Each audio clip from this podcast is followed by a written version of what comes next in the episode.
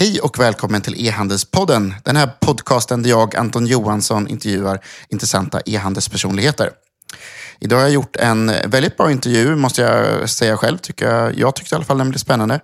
Eh, med eh, David som jobbar på R&B som är en av Sveriges eh, eh halvstora eller större eh, handelskoncerner som bland annat äger Polan och Pyret och Brothers och så vidare.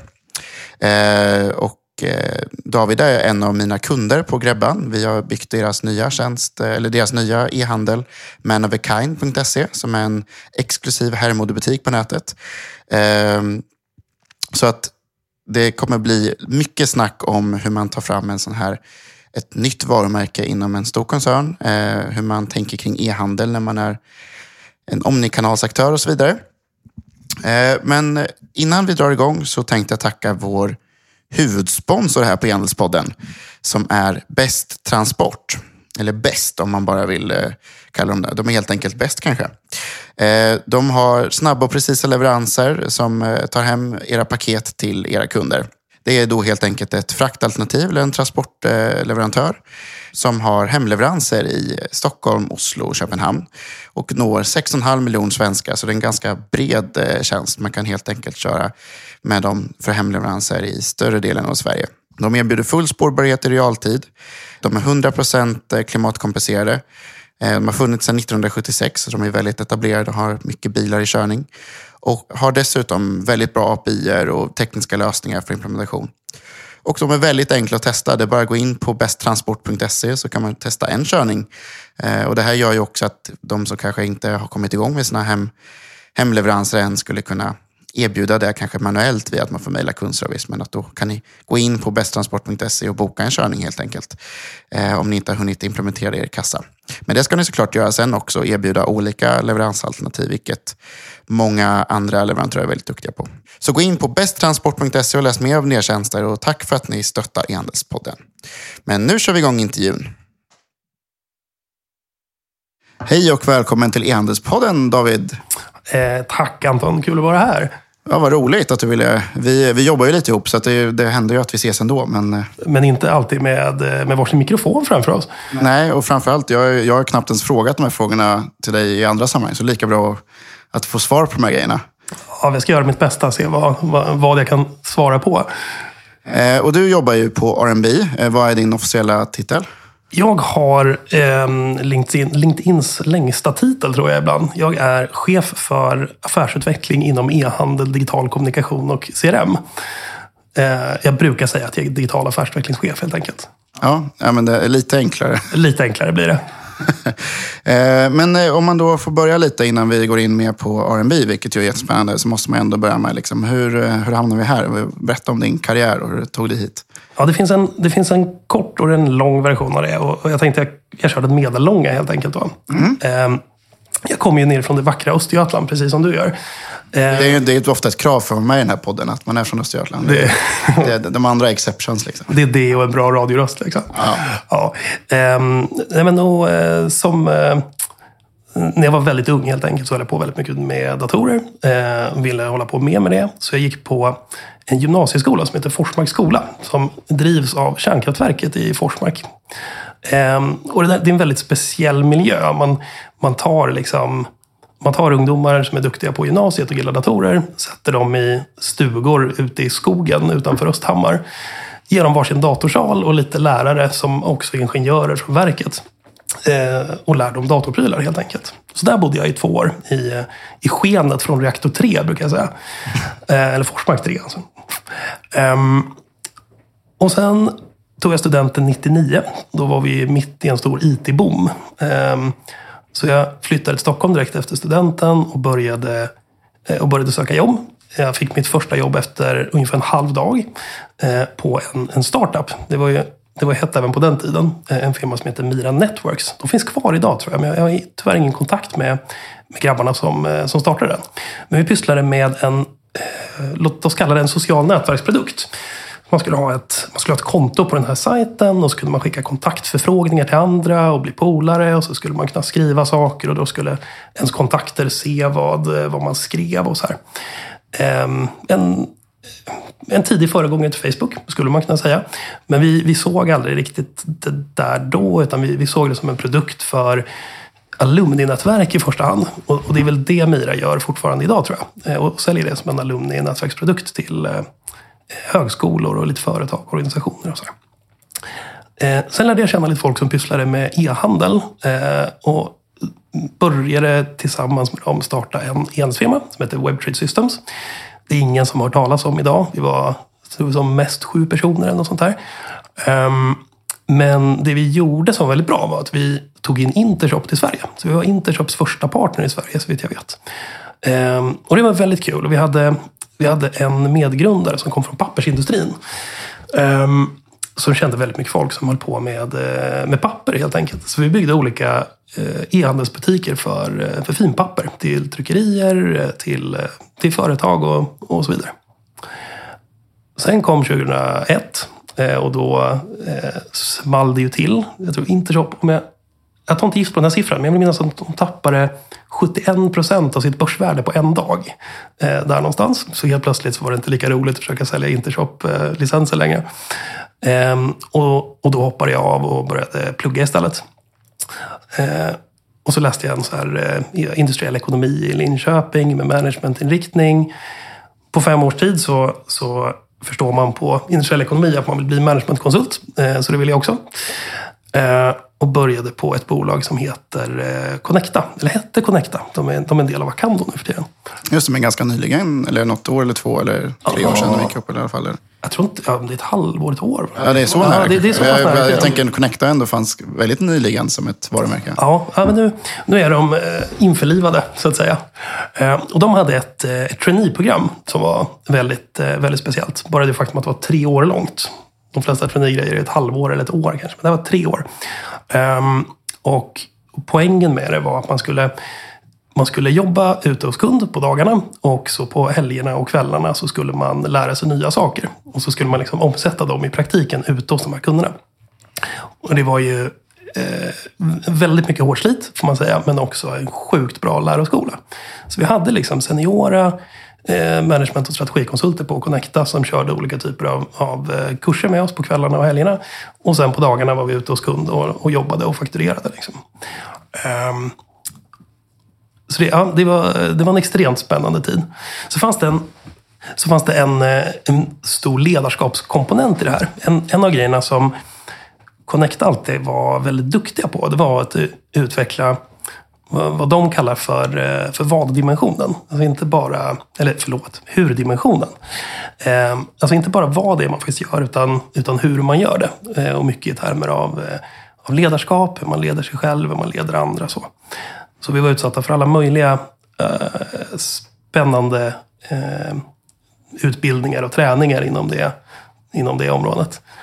Får jag, får jag dra en anekdot från den där? Ja, men gärna. Det, det låter ju som en jättespännande anekdotperiod i ditt liv. Ja, jag, jag, jag blir skitjobbig på fester ibland när jag börjar eh, gå tillbaka till den här perioden. Men, men jag kan berätta om min första dag på Connecta. Mm.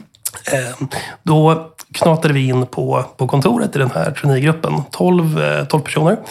Eh, vi fick under dagen en, en en utbildning. Eh, jag vill minnas att första sliden hette att överleva i extrem kyla. Ehm, och då fick vi lära oss grejer som hur man behandlar förfrysningsskador, hur man gräver bivacker, hur man smälter snö till vatten om man inte har dricksvatten. Ehm, hur man söker efter folk som har blivit begravda i laviner, det kommer jag ihåg var en del av den här. Liksom. Så ett teoripaket, 12 timmar. Och så hade vi också fått med oss innan vi började att vi skulle ha med oss skidkläder till första dagen. Eh, och att vi skulle bli borta några dagar. Så på kvällen då när vi inte riktigt visste vad som skulle hända så fick vi veta att ni ska ner i en buss som står utanför och så ska ni åka norrut. Och så hoppade vi ombord på den här bussen och åkte eh, norrut. De fällde ner säten så vi fick sova där. Och så på morgonkvisten någonstans så stannade vi i princip längs en landsväg. I Hälsingland var vi, har jag fått veta senare. Ehm, och så sparkade de ut oss från bussen. Eh, och så fick vi lite skidor och vi fick en stor pulka. Eh, lite spritkök och såna här grejer. Och så fick vi en karta och en kompass och så var det ett kryss på kartan. Och så fick vi instruktionen, var vid krysset, eh, gärna innan det blir mörkt. För då blir det svårt att sätta upp tältet.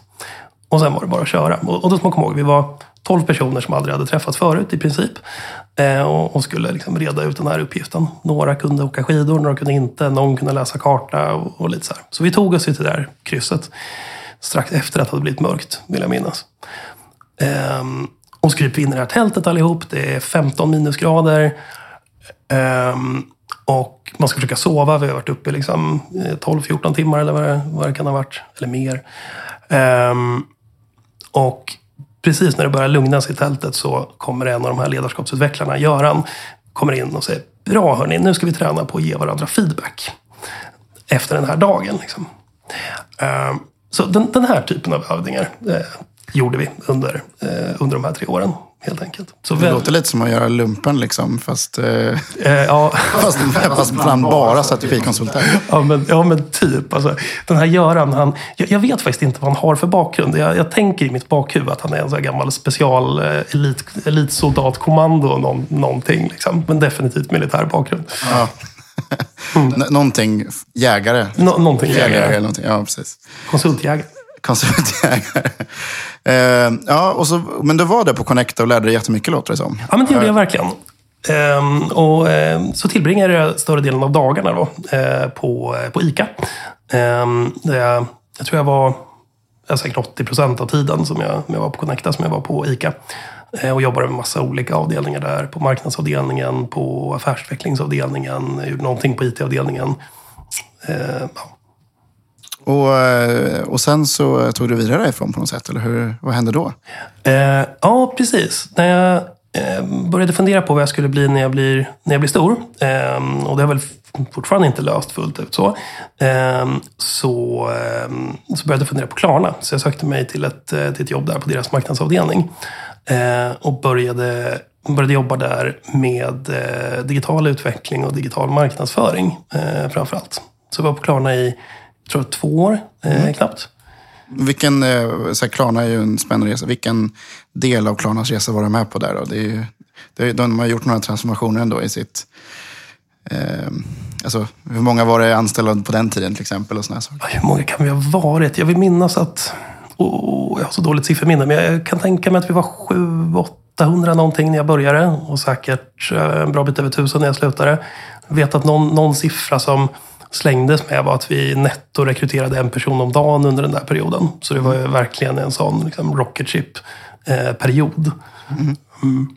Så där måste du ha lärt dig e-handel ännu bättre? Ja, men det, det gjorde jag. Och det som, det som var den stora skillnaden för mig någonstans var att komma från ett eh, från att se ett, ett bolag på insidan som, som ICA som är väldigt så stort, strukturerat, process, processorienterat. Det finns ändå en, en stabil operation att stå på. Så man liksom jobbar med evolutionära förbättringar hela tiden till Klarna där liksom varje morgon var en liten ny revolution. Eh, det var ju en, eh, en enorm skillnad, ska jag säga.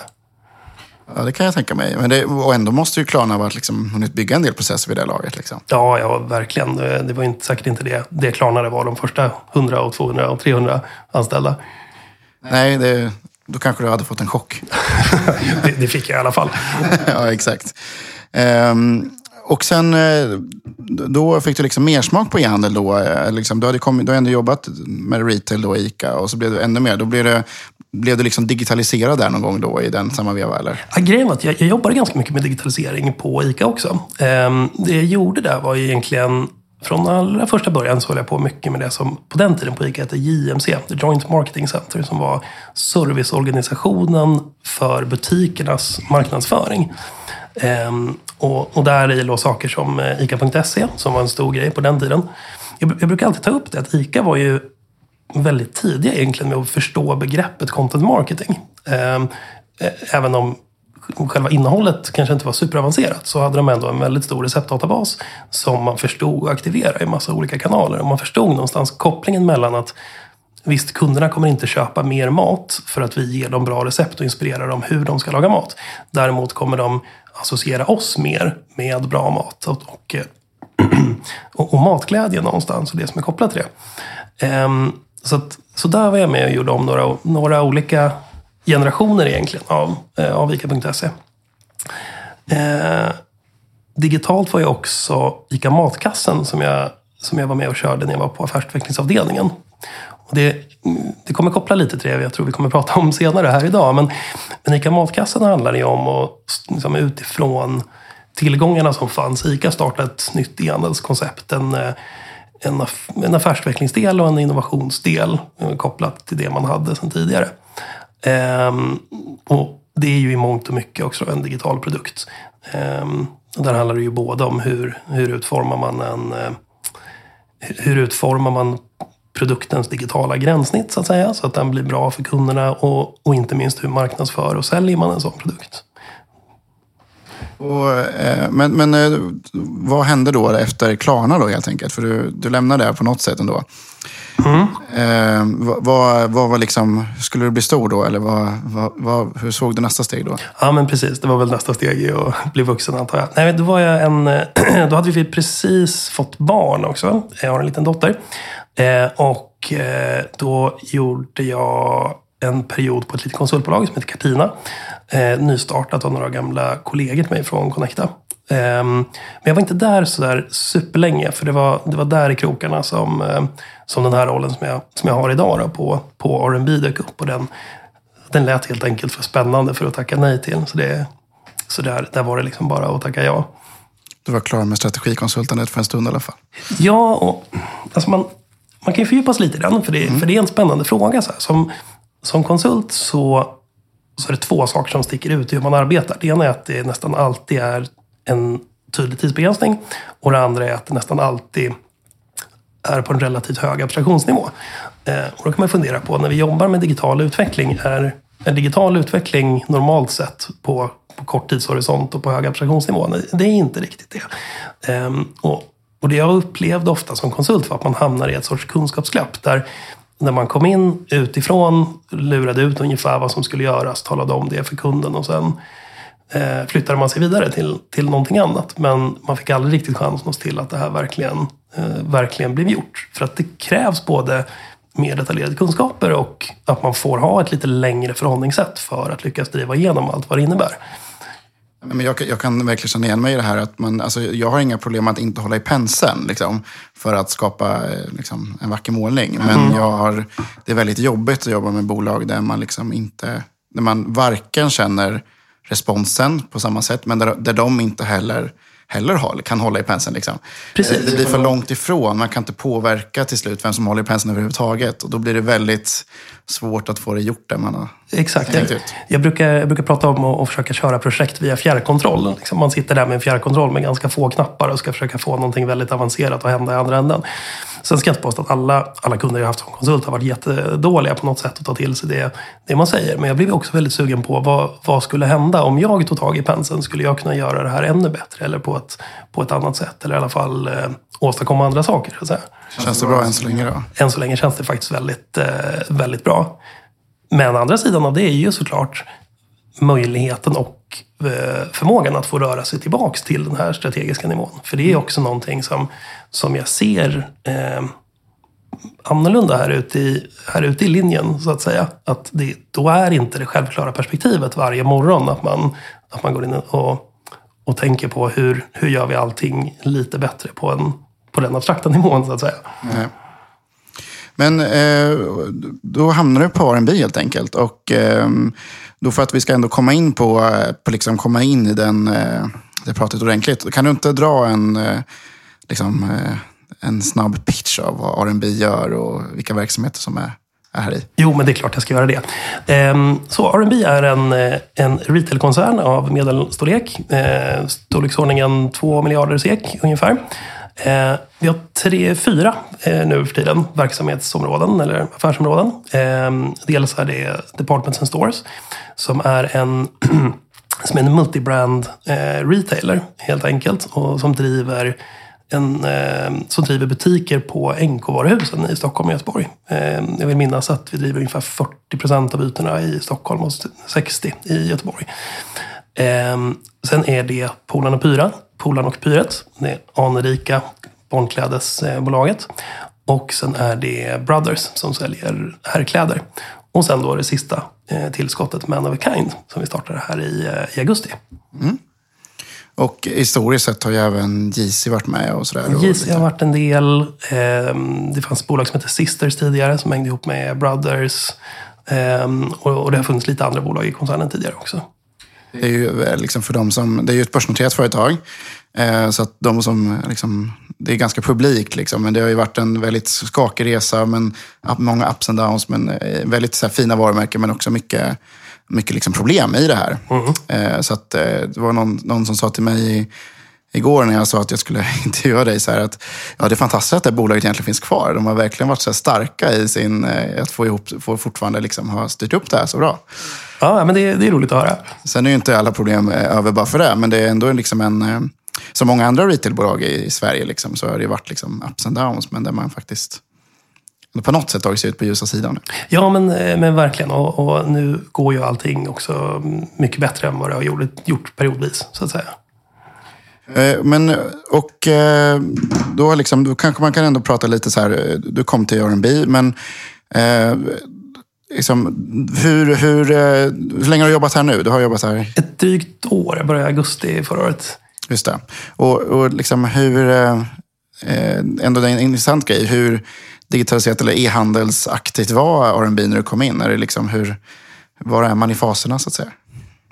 Um, R&B är väl ganska spretigt i sin digitala utveckling. Ehm, eh, en, en, viktig del av R&B är ju Polarn och Pyret såklart. Eh, och, och som kanske är den delen som har kommit längst, i alla fall i vissa dimensioner. Ehm, och, och som jag någonstans tycker kanske är den, eh, en, av de mer spännande områdena. Eftersom vi har en målgrupp målgrupp, en kundgrupp där, som är så, så fantastiskt digital. Ehm, Polarn och Pyrets produkter riktar sig i första hand till barn från, ja men egentligen från att de föds till någonstans man börjar skolan, så liksom 6-7 år. Eh, och de flesta som, som har barn i den åldern är ju, är ju idag relativt digitala, så att säga. Det är ett ganska litet åldersspann på de personerna. Eh, och det gör att vi, vi, vi har liksom inte samma utmaning som man har på vissa ställen, att man måste catera till, till, en, till en väldigt stor målgrupp. Så. Det här ser vi till exempel när vi, när vi jobbar i sociala medier där de här personerna är, är liksom fantastiskt engagerade och intresserade. De bryr sig verkligen om våra plagg, de bryr sig om varumärket. De identifierar sig med produkterna, de vill vara involverade. Ehm, så, att, så där tycker jag att vi, vi är relativt eh, mogna på något sätt. Eh, i, I en verksamhet som DSE eh, till exempel, men där driver vi ju butiksytor inom ett, eh, inom ett butikskoncept. Så då blir ju digitalisering lite annorlunda kan man säga än, än det blir för en vanlig liksom, retail chain. Ehm, så där, där funderar vi såklart mer på, i, i termer av hur jobbar man eh, digitalt i butiksmiljöer till exempel. Ja, precis. Ehm, och Brothers är ju också väldigt, som också då exempel då, som ändå är e-handels, liksom har e-handel precis som Bolen och sådär. Ehm, men där kanske man alltid har en större utmaning som återförsäljare gentemot varumärkesägare. Eh, där man liksom, ja, man säljer ju fortfarande ganska mycket andras produkter liksom. Ja, sen, sen säljer ju Brothers eh, en väldigt stor del egna, eh, egna produkter också. Jag tror, jag tror mycket också det handlar om, det handlar om målgruppen och engagemangsgraden i någon bemärkelse kring, kring produkterna. Brothers är ju en, en mid-price, eller upper mid-price kanske, aktör. Eh, så. Eh, och, och jag tror inte det alltid finns samma starka emotionella kopplingar till de produkterna. Det kan man se som en utmaning. Eh, men man kan också se det som en, som en fantastisk möjlighet att skapa någonting kring den typen av produkter och använda de här kanalerna för att liksom lyfta engagemangsgraden då, kring de produkterna. Mm. Men, men då om man kommer in då som liksom chef eh, digital affärsutveckling, eller om vi nu förenklar lite. Vad, vad är det för typ av liksom, eh, projekt eh, du, du liksom sitter med då i ditt jobb? Så? Alltså i, I praktiken så, ehm, så funkar det så. Jag, jag rapporterar direkt till koncernchefen, vilket ger mig en väldigt fri roll. Så, så att vi, vi gör liksom gemensamma prioriteringar varje ja, men halvårsvis ungefär. Liksom, vilka saker är det som måste förändras? Vi gör det ur lite olika perspektiv. Så vad har vi för flaskhalsar i själva operationsdelen? Vad som vad hindrar oss från att utveckla de sakerna vi vill göra? Eh, och vi kollar på det från kundperspektivet. Vad är det vi saknar i koncernen som vi skulle vilja lägga till? Eh, sen handlar det mycket om att, eh, eh att inspirera och, eh, och, och, lära organisationen. Inte minst. Både i ledningsgrupperna och, eh, och på marknadssidorna. Ehm, Såklart. Um, ja, en, en styrka som jag tycker mig se ändå som har jobbat lite med dig och eh, här med R&B, det är att jag tycker det har varit väldigt smart av R&B att sätta in en sån här roll. Så liksom, där, man, där man dels inte kallar det chef för digitalt, utan mm. chef för digital affärsutveckling. Vilket gör att man hela tiden tänker att det ska vara nya grejer ändå, eller liksom förbättrat. Det finns en poäng ja, i det. Sätter en väldigt tydlig riktning för vad det är vi vill åstadkomma. Så. Eh, för, för sen i organisationen så finns det fortfarande e-handelsansvariga och chefer. Och det finns fortfarande, liksom, så det är ingenting som... Eh, och jag tror att istället för att man har liksom en koncernövergripande e-handelschef så är det smartare att ha en liksom, affärsutvecklingschef digitalt på det här sättet. Ja, det tror jag är jätte, jätteviktigt. Och det, det är ju en modell som många har provat också. Att man, att man sätter eh, e-handeln som en central koncernfunktion när man har flera kedjor på det här sättet. Eh, och det, jag tror att det är väldigt svårt att få den, den typen av eh, uppsättningar att fungera egentligen. För då, för då säger man också indirekt att nej, men det är någonting separat från den ordinarie verksamheten. Samtidigt som vi vi vet ju någonstans att liksom sälj och marknadsorganisationerna i kedjorna måste ju såklart bli bättre på att jobba med, ja, med e-handel, med digital marknadsföring. Då kan man liksom inte separera, separera bort det. Det är ett speciellt djur som ska sitta här borta. Nej men exakt, och, och jag, jag, så jag tycker det har varit väldigt, verkar ha varit en väldigt succéartad grej. Sen, sen är det klart att det finns ju en poäng i också där, där du så att säga har en dels kan liksom, dels coacha eh, liksom management eh, på koncernnivå, och även, liksom, men även då vara den som liksom är bryggan mellan liksom, den långsiktiga strategin och att stötta day to day liksom, nere i organisationen. Och faktiskt, för det känns ju, du är väldigt hands-on, men också väldigt strategisk. Du har ju verkligen en så här dubbelsidig roll där. Ja, men, och det, jag tror att det är en nyckel i de, i de här frågorna. Eh, om, om man kopplar tillbaks till ja, men det jag sa förut om att, att, att, inte vara konsult längre så att säga. Det är ju, det är ju drömsituationen för mig att få åka hiss varje dag. Liksom, att jobba på den operativa nivån och på den strategiska eh, varje dag egentligen. Och jag tror det, det är så lätt att ta in personer för att göra det strategiska arbetet frikopplat ifrån det operativa. Eh, och jag tror det, det är mycket lättare att hamna där än att man blir för operativ i de här frågorna. Så att säga. Mm. Men eh, eh, kan du liksom, eh, eh, liksom, det är ju alltid svårt liksom, i, i den här typen av sammanhang. Men finns det några exempel på liksom, grejer som du har gjort under ditt första år? Så här, om man, vi ska prata om en of a kind, så man tar besides that. Vad, vad kan liksom, vad kan typiska nära affärsutvecklingsjobben gå ut på, så att säga, i, förutom då att liksom, jobba med personer? Så att säga? Mm, en, eh, en viktig del som jag, som jag trycker mycket på eh, är ju kompetensförsörjning eh, såklart. Liksom, eh, där, att, att hitta rätt personer till, till nya roller och, där, eh, där vi behöver rekrytera helt enkelt. Att, att se till att få rätt personer på plats. Det, det tror jag är en av de absolut liksom, starkaste grejerna jag kan bidra med. sen så här, rent konkret projektmässigt. en en stor fråga till exempel i, i alla retailbolag är hur, hur köper man media nu för tiden på rätt sätt? Vilken typ av partners vill man ha? Eh, vilken, typ av, eh, vilken typ av byråer ska man jobba med? På vilket sätt ska man jobba eh, med de här byråerna? Ehm, så den, den typen av frågor har vi funderat mycket på. Sen är just, måste jag säga, det känns som jag som ändå har lite koll på dina dagar. Det känns ju som att eh, just i och med att ni är en koncern med flera varumärken så blir liksom systemfrågor och liksom vad, är, vad är övergripande, vad är liksom koncerngemensamt och vad är ute i bolagen. Och det känns väldigt mycket sådana val hela tiden. Inte minst liksom IT-nivå och eh, sånt som man normalt kanske liksom alltid streamlinar. Vad är vad? Liksom. Mm. Ja, det, det, där är en, jätte, det är en jätteviktig grej på Anton. Och det, det är svårt i ett sånt här bolag. Jag, jag tror många av er som, som lyssnar, som är från den liksom mer eh, den, den, nya e-handelsvärlden så att säga, kan ha svårt att se hur, hur komplexa de här sakerna blir i en större koncern. Där man har Eh, en helt annan typ av arv att förhålla sig till ständigt. Så. I ett mindre bolag har man, har man systemfloror eller systemdelar som inte funkar som de ska eller inte låter oss göra rätt saker. Så kan man byta ut det på ett, på ett snabbare och enklare sätt. Och den, och det kan man inte riktigt göra på, på det viset i, i sådana här bolag. Så att en viktig, en viktig sak alltid blir att hitta hur, hur kan vi komma runt de begränsningar vi har? I vilken ordning ska vi göra olika initiativ? I vilken ordning ska vi bygga förmågorna som gör att vi kan göra rätt saker i nästa led? Så. Eh, och, och, där kokar det ofta ner till, till eh, IT-frågor. Mm. Ja, någonstans hamnar det i alla fall. Någonstans hamnar det där. Eller någonstans liksom. blir det en IT-fråga. Någonstans blir det en IT-fråga. Eh, och, en relaterad sak till det här som jag verkligen tycker att liksom, eh, R&B är duktiga på, men som också många traditionella retailföretag, även ICA och så är duktiga på, är ju det här CRM-tänket och kundrelationstänket. Ja, oh ja. Där jag upplever att många nya aktörer, just som man pratar om, mm. eh, där kanske man liksom, där är det fortfarande CRM i princip en e-postlista, medan i, i R&B bland annat så är ju faktiskt CRM liksom en på riktigt en konkurrensfördel, särskilt online. Liksom. Ja, verkligen. Och det, det, där är ju någonting som vi, eh, som vi tar på väldigt stort allvar också. För att vi, om vi tar ehm, um, Polonepyret som, eh, som exempel, så, så utan att säga siffror så, så är det en väldigt liksom, kundgruppen som vi jobbar med är, är, ganska enkel och tydlig på något sätt. För vi har en hyfsat god idé om, om vilka de är. Vi vet ganska väl hur de beter sig. Eh, penetrationen är, är hyfsat stor. Så att för att växa i den målgruppen så måste vi bli duktigare på att jobba med våra befintliga kunder.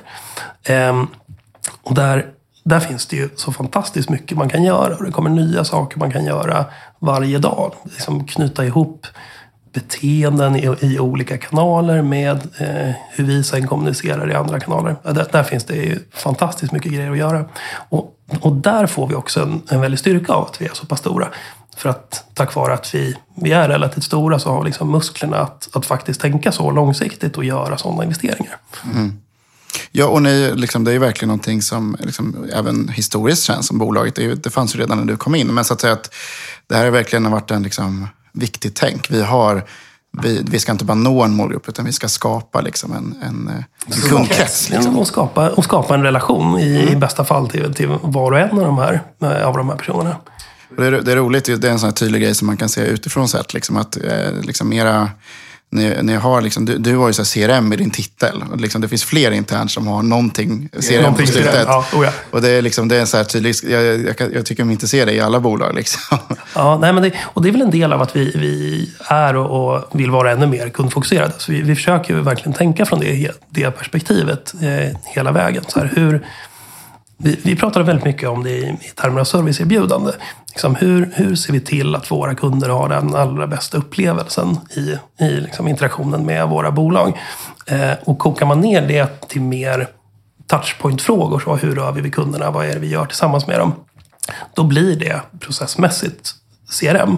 Men, men vi pratar egentligen inte alls så ofta om det i termer av CRM, utan mer hur, hur gör vi det där kundmötet ännu lite bättre? Vad är det kunden saknar i den där touchpointen eller i det där mötet? Så att säga. Det är jättespännande. Eh, det skulle man kunna prata om hela dagen. Det skulle man verkligen kunna göra. Eh, men för att komma förbi lite, lite till, eh, lite i, eller gräva lite djupare. En sak du nämnde var ju det här med medieköp också. Mm, just det. Det var ju bara liksom, nu när du ändå har grävt i det ett år här nu, eller någonting så här, vad, har du några liksom, insikter kring det? Det beror på vilken, vilken nivå vi pratar. Jag, min favoritmetafor eh, för, för medieköp handlar ju om att så och skörda. Det, tycker jag att jag säger mest hela tiden. Alltså någonstans balansen mellan det vi investerar i att köpa varumärkesbyggande marknadsföring och ren performance marknadsföring. Ehm, vi har den här berömda tratten som, som alla, alla pratar om. Så man kan ju se det där som köpa i toppen av tratten och köpa i botten av tratten. Ehm, och, och för oss som, som, eh, som lever och och, och någonstans definieras av våra starka varumärken så är finns det en fara i att bli att, att bli alltför fokuserad på, på performance-delen, på mm. att skörda. Vi måste hela tiden komma tillbaks till att investera i vårt varumärke, investera i att, i att synas det kunderna är utan att försöka sälja på dem en specifik produkt. Samtidigt som den digitala mediavärlden, när man pratar med den, fortfarande är relativt, skulle jag säga, fokuserad på performance-säljdelen. Och på ett sätt är det naturligt. Det kommer ifrån e-handeln och hur, hur lätt det här är att mäta. Hur tydligt man kan motivera sina budgetar med att man får en, en tydlig koppling mellan medieköp och försäljning. Um, men det där är ju också det, ett relativt kortsiktigt perspektiv att ta. Um, och, och frågan som vi alltid brottas med så att säga, är eh, så här, balansen mellan de två dimensionerna. Så, i, hur mycket pengar ska vi lägga i den ena burken kontra den andra burken? Så. Ja, och det är ju dels det, men också det här att liksom vad, vad är det för värde man bygger i bolagen på något sätt. Och jag kan ju tycka som ett, liksom ett retailföretag, särskilt återförsäljare, så är ju värdet ens egna och, liksom varumärke på något sätt. Det finns inte så mycket. Alltså att bara kränga andras produkter är inte ett egenvärde i sig själv. Så att, Nej, precis. Eh, eller liksom man har inte någon unikitet där. Men har man skapat ett varumärke med vissa kännetecken och någonting som man faktiskt vill stå för. Då har man byggt ett värde som både är långvarigt, förhoppningsvis. Eh, och någonting som gör att man kanske väljer just att handla där istället för och sen kan man ju såklart addera på lite rationella skäl som snabba leveranser eller liksom, eh, rätt varumärken i. Men, men man måste ändå så här, eh, jag kan tycka att många i den nya e-handelsvärlden, om vi återgår lite till, eftersom du sitter ändå på den gamla retailvärlden just nu ändå. Eh, som, för- att liksom det nya är lite, underskattar det här lite grann. Ja, jag, jag tror det ibland. Och det, man kan se det från flera perspektiv. Eh, du, du nämnde ett, så här, man, man bygger ett värde i bolaget genom, genom varumärket. Det, det är ett sånt värde och som är superviktigt. Det andra är kundrelationerna eh, såklart, som också blir ett viktigt värde. Och, och någonstans tror jag att det är svårt att det, det är svårt att tala om det, om, det ena, ut- eh, om det ena utan det andra här. Om man, om man bara gör liksom varumärkes marknadsföringen men inte investerar i själva kundrelationen som är kopplad till det, då blir det egentligen inte ett stort värde. Och gör du bara kundrelationen men försöker inte bygga upp ehm, den, den emotionella varumärkesdelen så att säga, så blir det inte heller eh, det här väldigt konkreta värdet. Så jag, jag tror man måste hitta liksom båda de där två. Ja men exakt, och det, jag tror det, liksom, det är den här lite rationella medan emotionella som är liksom grundgrejen egentligen. Att, eh, till slut så kommer det vara, det kommer alltid finnas någon som kan liksom cut, cut, katta ännu mer i liksom kostnader och så här, kunna leverera ännu snabbare, kunna vara ännu billigare, kunna ha ännu större sortiment och så vidare. Det kommer alltid finnas någon som liksom kan, kan ta de rationella skälen vidare. Medan har man byggt upp ett emotionellt värde, då finns en större långsiktighet i det. Ja men precis, då, då har man faktiskt ett, ett värde som är bestående på något sätt. Och det är ju liksom, det är nu är ju inte ni, liksom, ni är ju inte varumärket NK, men ni är ändå en del av det, eller man ska säga, eller butiksytan. Det är ju ett väldigt tydligt exempel på hur, liksom, hur långsiktigt det har blivit, liksom, den Ja, typen av verkligen. varumärke. Man går inte till ett, till ett hus för att det är ett hus. Man går till det där huset för vad som står på dörren och vart det ligger. Så att säga. Och vad de har fyllt det med. Och liksom, man, man känner någonting verkligen när man går in där. Och man, de är väldigt duktiga på det. Liksom. Ja, och, verkligen. Ehm, men det är jättespännande. Men, men ändå om man då tittar på, finns det då liksom i... Eh, för det, det är den ena sidan av det, att hålla den här liksom, så skörda. Eh, liksom, men det finns ju en, den andra grejen liksom är... Eh, lite så här, ska man köpa själv? Eh, ska man gå till mediebyråer? Ska man, hur ska man tänka kring de här frågorna? Liksom? Är det ändå så att ni kanske går... Eh, att ni liksom verkligen ändå tar en resa från när ni köpte för kanske fem år sedan till nu? Liksom, att det ändras ganska mycket. Ja, jag, jag kan prata om det i, i generell, generella Absolut. ordalag i alla fall. Jag tror att det där är kopplat väldigt mycket till, eh, till kompetens i, i första hand. Det är svårt att köpa media idag. Eh, och man behöver... Och, låt mig säga så här. Att, att köpa media är en sak, det är svårt i sig. Sen finns det en, en kundresa, de här kundrelationerna som vi pratade om förut, som de köpen måste vara knutna till. Och det är också svårt. För ett, eh, Eh, för ett större företag så måste man ju fundera på vilken av den där kompetensen man, vill, man tror att man vill och kan ha inhouse och, och vilken man inte ska göra. Jag tror ju någonstans att en, den rena specialistkompetensen behöver man inte ha i huset. Därför att dels för att den är svår att rekrytera, sen är den svår att behålla. Och lyckas man behålla den så är det inte säkert att den, att den fortsätter vara så fantastiskt bra om, om den personen får sitta i en, i en miljö som inte, som inte utmanar, som inte stimulerar. Så här, här tror jag att specialistbyråerna kan vara väldigt duktiga på att både liksom hitta rätt personer, vidareutveckla dem, utmana dem, ge, ge dem liksom möjligheter att växa. Jag tror det man inte får bomma dock i sammanhanget, det är att sen släppa kontrollen över vad det innebär i kundupplevelse. Ehm, om vi släpper iväg ett sådant uppdrag till en, till en byrå och inte tänker efter, vad, vad kommer det innebära om vi gör remarketing på eh, ett plagg som du precis har köpt i butik till ett annat pris än du köpte det för i butiken. Då, då bommar vi någonting väldigt viktigt. Så jag tror det handlar om att förståelsen för, för själva kundresan och kundupplevelsen, måste, den måste man behålla själv. Det är liksom core i ett retailbolag. Specialistkompetensen att faktiskt hitta median som påverkar i upplevelsen däremot. Det är inte någonting som man behöver sitta på själv. Och jag tror att det det finns säkert fall där det är, det är lämpligt, men, eh, men långt ifrån alltid. Nej, men det, det kan verkligen eh, relatera till att man på något sätt eh, måste äga frågan. Det, ja. Och det där, det där tror jag tycker nästan alla bolag har liksom en resa att göra, eller väldigt många bolag har en resa att göra det. Att man, liksom, man känner inte riktigt den här ägandeskapen för att för att faktiskt första touchpointen till mig som konsument, ofta eller kund, är ofta ute i ett annat medie. Mm. Och har man inte kontroll på hur den hur, det, hur jag upplever det som kund då, då, då har man ju liksom lagt ut första kundkontakten. Det är som att man har liksom en inkastare som som inte liksom är så vettig heller liksom, ja, ja, men, butik. Ja, men eh, eller hur. En sån där eh, kille som står utklädd till, eh, till anka utanför biltvätten. Liksom. Eh, nej, men jag tror, eh, och jag tror att det där är en rätt lätt fråga att abdikera i också, slår det mig. Alltså det, de här byråerna vill ju gärna ta det ta det ansvaret och få väldigt fria händer att jobba. Eh, om, de, om de utvärderas och mäts väldigt mycket på, på bara siffror, bara på den här liksom skörda delen, eh, så, så kan ju de ofta åstadkomma väldigt bra saker. Men, men om man som köpare inte har detaljkollen på vad de gör så riskerar man också påverka den där eh, liksom själva kundresan så mycket. Så jag tror man måste vara väldigt obs på det. Mm. Ja, men det är väldigt bra tankar här tycker jag. Ja, vad roligt. Det känns ju som att eh, du har poddat hela ditt liv nästan. Du säger det? Ja, det här känns jättebra. Ja, men vad härligt. Eh, Då ska jag ta lite, lite bonusvatten. Ja, men det låter bra. Eh, men om man då går in lite mer på ett konkret case där, där ju jag och min byrå, Grebban, har varit med ganska mycket faktiskt. Mm. Eh, Man of a kind. Där, där, eh, där vi har jobbat väldigt mycket med liksom många frågor, både strategiskt och annat. Men framförallt min byrå då har gjort varumärket och design och lite mm. sådana saker. Då. Eh, eller kundupplevelsen kanske man kan kalla det. Ja, det skulle jag vilja påstå. Ja, det är även annonser och allt möjligt där. Eh, men eh, om man då tar den, det, det är ju ett helt nytt eh, initiativ liksom, i den här koncernen. Du, du gav dig på direkt, bara, nej men vi ska ha ett, ett till ben här på R&B liksom.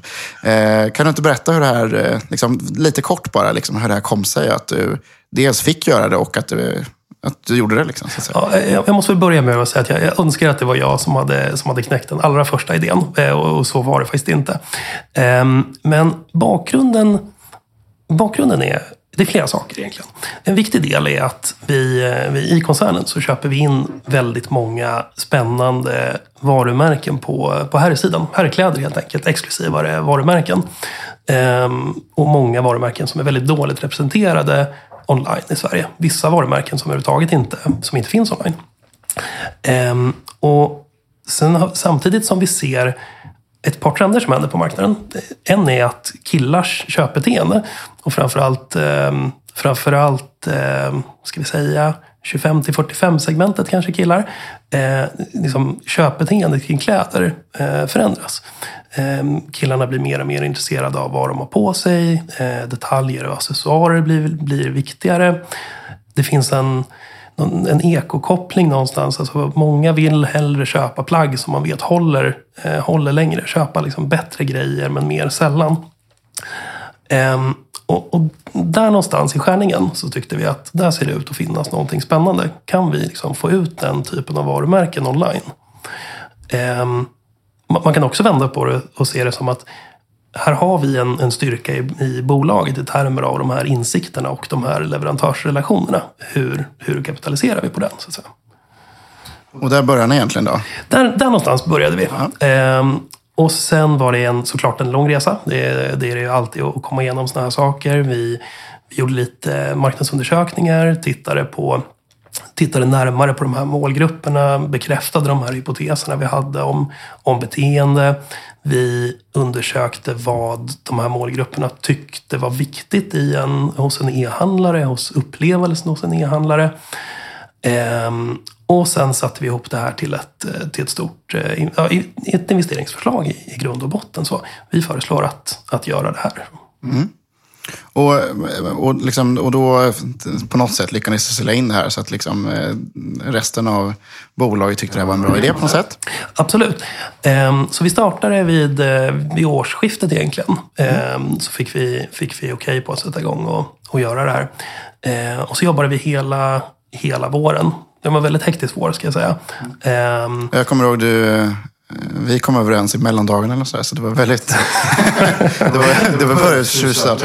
Ja, eh, jul, julen eh, förra året var, var väldigt spännande ska jag säga. Ja. Eh, jag, jag kommer inte ihåg de exakta datumen, men det, det var i princip på, på julafton som vi, som vi ja. tog det här beslutet. Nej, det var det inte. Det var veckan innan. Men ändå, en, så här, en, en, för det var ju ändå någon typ av, om jag bara får tänka på hur jag har sett det här caset i alla fall. Eller mm. säga, ni har ju ändå tänkt, eller liksom, ni har sett lite så här som ett startup inom koncernen. Liksom, att man startar ja liksom ett, eh, det är inte som att man man gör liksom ett eh, sidoprojekt i något av de befintliga. Utan det är verkligen så här, det här skulle vara en egen grej. Liksom. Ja, eh, tack Anton. Bra att du säger det. Vi, vi pratade lite om, om vadet och huret förut. Det är en sån där grej som jag har från mina dagar på, på Connecta. Vadet för var det vi pratade om, om nyss. Liksom. Huret i det här fallet blev en, en jätteviktig fråga av flera skäl. Ehm, dels är det ju så att vi, vi, vi kan inte lägga enorma summor på att göra en sån här sak i koncernen innan, innan vi vet att det kommer att bära sig. Eh, sen finns det alltid en det, det finns en generell utmaning i att driva innovation och, och affärsutveckling inom stora eller större bolag. Så att det vi beslutade oss för det var att eh, så långt som möjligt köra Man of a Kind som en intern startup. Och, och vi pratade väldigt mycket om det i termer av att bygga, att bygga en startupkultur i ett litet team. Eh, vi, eh, vi har suttit lite, lite avskilt eller haft en egen del på kontoret. Vi har, eh, vi har jobbat med Eh, Låt mig börja i, i den här änden. När, när, man, när man kör den här typen av affärsutvecklingsprojekt i en större koncern så finns det grovt räknat två sätt att, att skapa ett team för det. Eh, det brukar ibland kallas lätta team och tunga teamet. Ett lätt team, då plockar man liksom personer från den befintliga linjeorganisationen och säger att hela din tid eller delar av din tid ska du lägga i det här projektet och göra, och göra de här sakerna eh, tillfälligtvis och sen ska du nog gå tillbaka och göra det du brukar göra. I ett tungt team så plockar man ihop eh, folk från andra platser. Eh, ibland konsulter, ibland nyanställer man personer, ibland plockar man specifika ja, som affärsutvecklare som, som inte har en riktig hemvist. Eh, och, och så försöker man samla så, så stor del av kompetenserna man kommer behöva i projektet eh, i, i själva teamet. Och skillnaden mellan de här två approacherna styr väldigt mycket hur projektet hamnar i relation till linjeorganisationen. Med ett lätt team så får man en, på, på ett sätt en bättre integration med linjeorganisationen. Eh, eftersom personerna kommer rakt ur där, de kan de interna processerna, de kan den interna kulturen, beslutsvägar och så här. Eh, men, men risken med det är att man också får med sig de delar som inte är riktigt kompatibla med hur man kör, eh, hur man, hur man skulle bygga det här utanför bolaget. Så att säga. Med ett tungt team så får man istället utmaningen att man, att man får ett team som, som inte fullt ut vet hur bolaget funkar, som inte har alla kontaktvägar, som inte har alla eh, har allting klart för sig. Eh, men man får också styrkan i att man, man kan välja precis rätt personer och man kan forma dem till en, till en startup.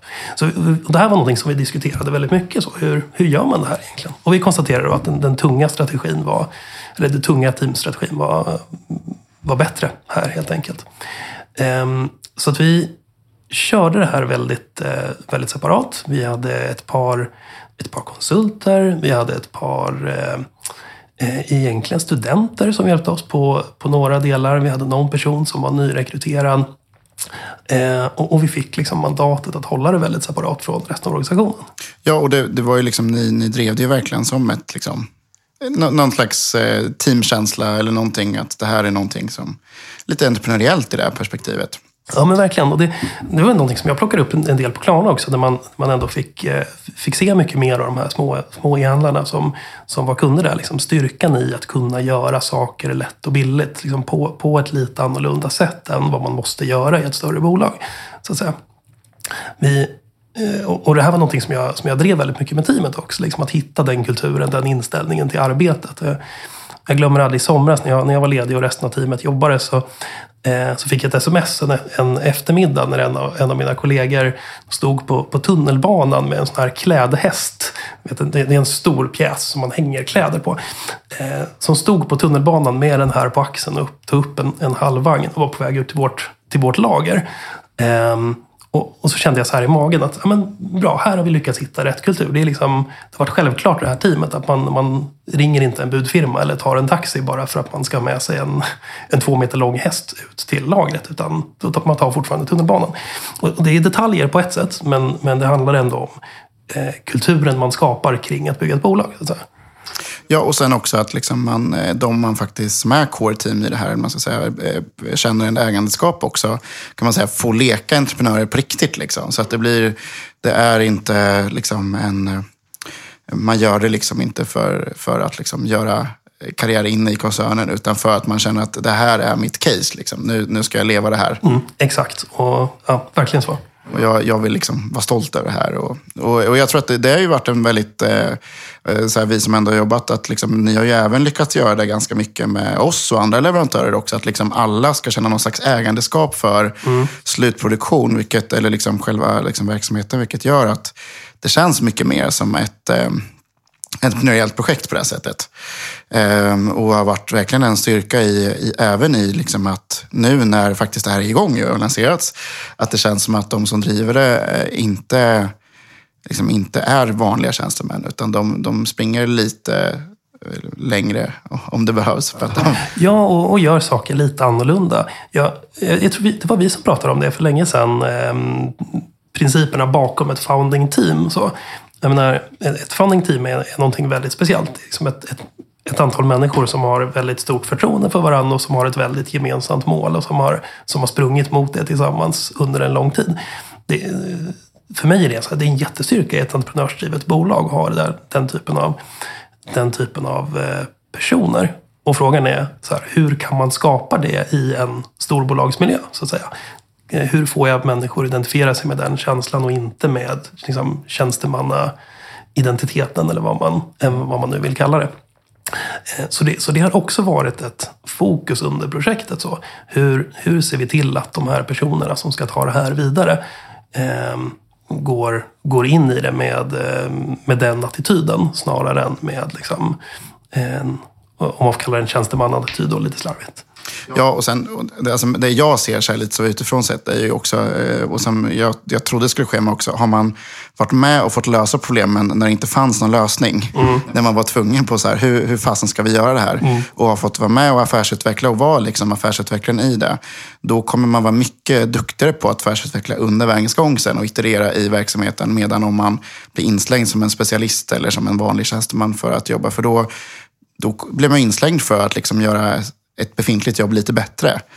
Inte att bara, liksom, inte att kanske våga, man inte, att ta större steg är inte riktigt lika naturligt då. Nej, just det. Just det. Man, eh, jag förstår precis vad du menar. Det är som man bygger ett hus liksom. Så innan man har satt på alla väggar. Man vet var alla rör och var all el går och vad man ska borra och vad man inte ska borra. Liksom. Det, blir, det blir lite samma princip här. Man har sett det byggas upp från, från grunden. Så då blir det inte lika eh, religiöst egentligen kring att ändra och, ändra och förändra och förbättra saker. Nej, exakt. Det blir, det blir, alltså, om hela foundation är byggt på det, då kommer man ju fortsätta göra det. Ja, och, det och det är ju viktigt i ett sånt här projekt som nu, nu hur länge har det varit igång? Det är inte så länge. Eh, vad är vi inne på? Sjunde veckan tror jag. Sjunde veckan. Det är ju, liksom, det är ju fortfarande ett väldigt early case. Ja, liksom. verkligen. Eh, men, och affärsidén är ju egentligen eh, exklusivt herrmode på nätet. Mm. Säga. Eh, och vad, vad, menar man då med exklusivt i det här fallet? Så vi bara får en eh, snabb recap på det. Eh, ja, det, det, är en, det är faktiskt en väldigt bra fråga det också. Eh, exklusivt i det här fallet handlar om att vi säljer exklusiva varumärken. Det betyder att vi har inte bara eh, vita skjortor och, eh, och gråa kostymer. Eh, även om vi har mycket vita skjortor och gråa kostymer. Utan det handlar om att vi, vi har varumärken som håller en hög klass på design, som håller en hög klass på kvalitet och, och som har Ja, nej, men ungefär så. Mm. Och, och, så att säga, om man då, då har vi lite koll på det. Man ska såklart gå in på menaverkind.se. Det tycker jag verkligen att man ska göra. Och, och beställa och så vidare. Eh, men, men om man då ändå pratar lite om hur det här blev till nu då. Liksom, vad mm. har varit utmaningarna? Så här, vi kanske vi kan prata liksom system, logistik, team, varumärkesframtagning. Eh, kan vi, om vi börjar i någon ände, liksom, om vi börjar med med liksom, eh, team då, lite kort, så har vi redan pratat om det. Men eh, liksom, var, vilken ände började du med? Egentligen för att liksom, sätta ihop det här. Vilken ände började vi vid? Eh, vi en av de första sakerna vi gjorde, det var, det var faktiskt att, eh, att gå tillbaks till, till den här marknadsundersökningen vi hade, vi hade gjort innan och börja fundera på hur, hur ska kundupplevelsen se ut givet det vi nu har lärt oss eller tror oss förstå om, om den här kundgruppen. Det, eh, det, det var nog egentligen det allra första vi gjorde. Sen är det ju rent krast så att, att, att bygga ett e-handelsbolag från scratch är eh, till en hyfsat stor del i alla fall ett, ett IT-projekt. Hur man använder och vrider på det. Ehm, så att en, eh, en, en viktig stomme i hela, hela genomförandet var ju att bygga själva, bygga själva sajten helt enkelt. Ehm, Sen när vi hade fått igång, när vi hade fått igång det, då hamnade vi mycket i, i frågor om produktinformation och produktfoto. Det blir ju superviktigt eh, i det här fallet. Det där är lite intressant just för just så här eh, moderelaterade bolag. Liksom. Det är, mm. Jag tror många underskattar hur mycket som läggs på foto. Liksom, i, ja. Verkligen, och ska jag vara helt ärlig så, så, tror jag att det gjorde vi också när vi, när vi satte igång. Um, så vi, vi provade massor med olika varianter. Kan vi, kan vi fota de här kläderna på, på galge? Kavajer ser ganska okej ut på galge. Skjortor och byxor ser, ser hemskt ut tyvärr på, på galge. Okej, så vi behöver modeller. Eh, bra, hur ska de här modellerna se ut? Vad kan vår målgrupp identifiera sig med? Ska vi, ska vi ens visa ansiktet på modellerna? Vad, vad funkar bäst där? Så det, det var en ganska lång resa bara att komma fram till vad, vad vi behövde.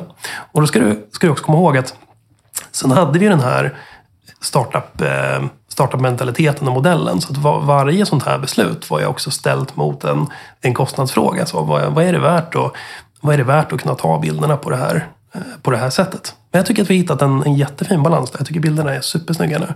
Mm. Eh, men alltså det är ändå intressant för jag, det är roligt hur liksom hela våren och sommaren egentligen, det, liksom, det, har varit, det har inte gått en diskussion där jag varit med i där det här, inte, det här nämns alltid i någon form. Liksom. Ja, vi, vi tenderar att komma tillbaka till det. Men, men det är också superviktigt. Jag menar, när, när vi pratar våra andra kedjor, då, då pratar jag gärna butiksmiljöer. Hur rör sig kunderna? Vad ser de? Vad känner de när de ser butiksmiljöerna?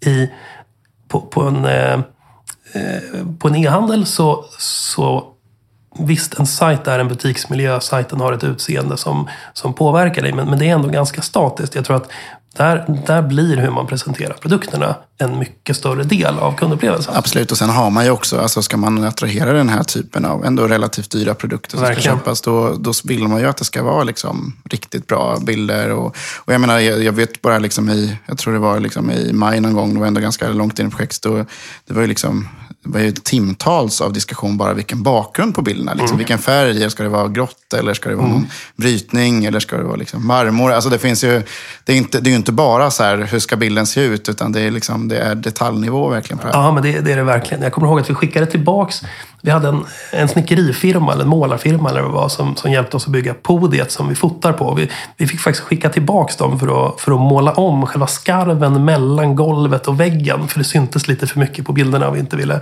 ville retuschera det på varje bild vi tog. Så att säga. Eh, och det är jättedyrt också att ta mycket bilder, kan man ju också säga, hur man än vrider och vänder på det. Alltså, det är klart att det är liksom, men, men ändå så här, det är en rejäl eh, viktig kostnad för ja, sånt här typ av bolag. Ja, det är en signifikant kostnad, eller säljkostnad. Ehm, samtidigt som det, det, är också en förutsättning. Så, ja. Lyckas vi inte presentera produkterna på rätt sätt, men då, då, kan, vi inte, då kan vi inte sälja dem. Ehm, och sen är det just det här med att det är väldigt produkterna i sig är, är både väldigt snygga, högkvalitativa och har mycket detaljer. Om vi inte lyckas få fram dem, då har vi inte, då har vi inte gjort produkten rättvisa så att säga. Exakt. Men om man då går tillbaka lite så här, att eh, du pratar om att det är liksom ett IT-projekt. Så, så eh, om man, eh, liksom, eh, det är ju det är ändå relativt straightforward. Ni, ni kör ju liksom, ja, men en, en vanlig open source-plattform, liksom, Magento som många andra. Liksom, och, Eh, och ni har ju väldigt liksom, bra grundsystem, affärssystem och sånt i koncernen och CRM-system uppenbarligen. Då. Eh, så vad, vad, hur kom det sig att det blev, alltså, du säger att du kommer tillbaka till det ändå, liksom, vad är eh, liksom, vad, vad, är grunden i att det blir en så stor fråga direkt? Så att säga? Var, var, var börjar du där? så att säga? Ja, det, där, det där är någonting som jag har funderat mycket på nu när vi är klara. För att det, jag håller med att det, det du säger, att det här borde inte behöva vara till stor del ett, ett IT-projekt. Och visst, det finns bra plattformar färdigt och mycket finns färdigt där ute och är bara att skruva ihop. Men, men för att få det att funka så, så tycker jag fortfarande att de här sakerna kräver väldigt mycket tid att få i liksom första steget att få på plats och i andra steget att få rätt.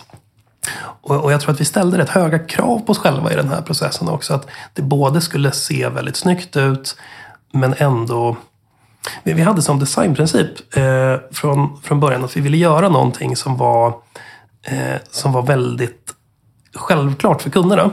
Eh, om man brukar säga det, enkelhet är det, är det svåraste som finns. Jag, jag gillar ju eh, jag är en stor fan av Steve Krugman med Don't Make Me Think och hela den teorin. Liksom att kunderna har en idé av hur ser en e-handel ut. Eh, så att jag inte behöver liksom börja med att försöka förstå sajten. Och vi hade ju det som designprincip. Samtidigt så, eftersom vi, vi jobbar med så exklusiva och fina varumärken eh, och vi har en hög positionering på marknaden så vill vi samtidigt att sajten behövde se väldigt snygg och stilig ut. Och kombinera de två är inte, det är inte alltid helt busenkelt. Så eh, vi, vi, fick eh, vi fick fram femmans eh, sandpapper som de sa på, på slöjden när man var liten. Och, och liksom ta, se till att försöka ta alla hörn. Sen finns det säkert några kvar än idag, men, men eh, väldigt många. Ja, precis. Nej, men då, eh, eftersom vi har jobbat väldigt mycket med kundupplevelsen så är det ju också, alltså det handlar ju lite om när man, när man ändå väljer att vara en återförsäljare så, så på något sätt att liksom hålla, vara med på hela kundresan och, och vara liksom ändå ha ett, en distinkt ton där i vad man står för, liksom vare sig det är Eh, när man ser liksom första bannern eller första annonsen till att man kommer in på sidan och det är någon typ av kampanj där. Mm. Till att kassan ska kännas väldigt naturlig. Till att man eh, får liksom bra nyhetsbrev och bekräftelsemail. Men även då liksom i eh, jag menar, vi, vi har ju, liksom, det är ju även en så här, hur ska boxen kännas när man öppnar den? Liksom, är ju en jätteviktig kundupplevelse. Ja. Så jag, jag, tror att, eh, och där tycker jag att, liksom, jag har verkligen tyckt att ni har ju från vårt perspektiv som har jobbat mycket och hjälpt er med det här, att det är ju en, en väldig styrka i att ni som team förstår värdet av det. Eh, utan att för den delen inte förstå eller liksom inte tänka att det får kosta hur mycket som helst. Utan vi har ju verkligen fått liksom jobba smart. Mm. Ja. Men jag, det är ändå ganska, och det här är också en grej som jag verkligen tycker är liksom en fördel med att caset var liksom från scratch.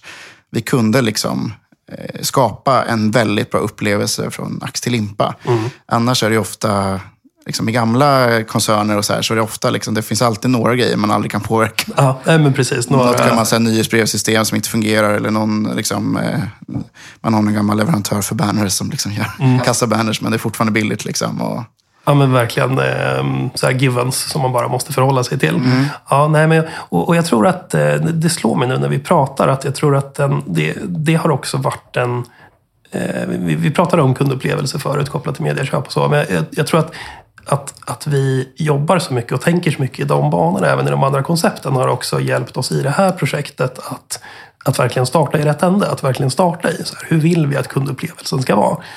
Jag vet vi eh, när vi eh, kollade på de här förpackningarna till exempel.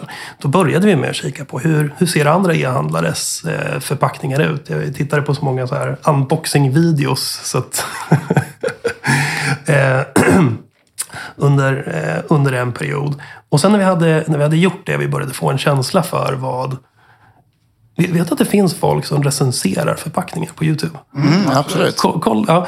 eh, det, det, jag kan tipsa om det. Det här är en, helt, det, det är en hel värld.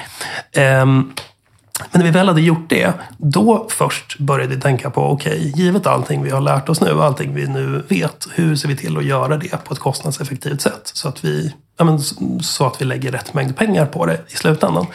Och jag tror det där är någonting som man, som man kan bomma ibland. Liksom att man, när man har en tajt ram, att man börjar snarare från ramen. Så här, vad, vad kan vi göra givet de här pengarna?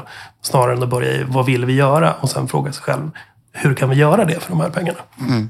Och där var ju ett, ett, tydligt val du gjorde också. Det var ju du tydlig med mot oss också. Att du ville ju liksom att det var någon annan än IT-leverantören som, som jobbar med kundupplevelsen lite grann. Liksom. Ja. Eh, just bara för att separera lite liksom, eh, de som bygger det, så man inte ser problemen i det man bygger. Utan man börjar med vad vill man ha och sen får man börja titta på ja. constraints. Liksom. Ja, men det, det är precis samma princip. Eh, och det, var, det, har, det har ju visat sig vara en väldig styrka. Liksom, att man ändå, det, det blir bättre om man så här, liksom måste skrubba lite åt, åt båda hållen. Liksom. Eller parter som på ett konstruktivt sätt utmanar varandra. Eh, exakt. Eh, nej, men jag tror att det har varit väldigt viktigt i det här projektet, så som en lärdom. Liksom, att man, eh, men också för att känna ägandeskap liksom, över, över de olika frågor. Liksom. Mm, just det. Eh, någon måste bygga logiken, men någon måste ju faktiskt bygga upplevelsen också. Eh, men, men om man då tittar på två andra roliga grejer. Då, så här, varumärkesframtagningen, varför det heter som det heter och så vidare. Och även liksom, marknadsstrategin egentligen. Hur, mm. hur ska man få ut det här? Vad, vad har du berättat om det?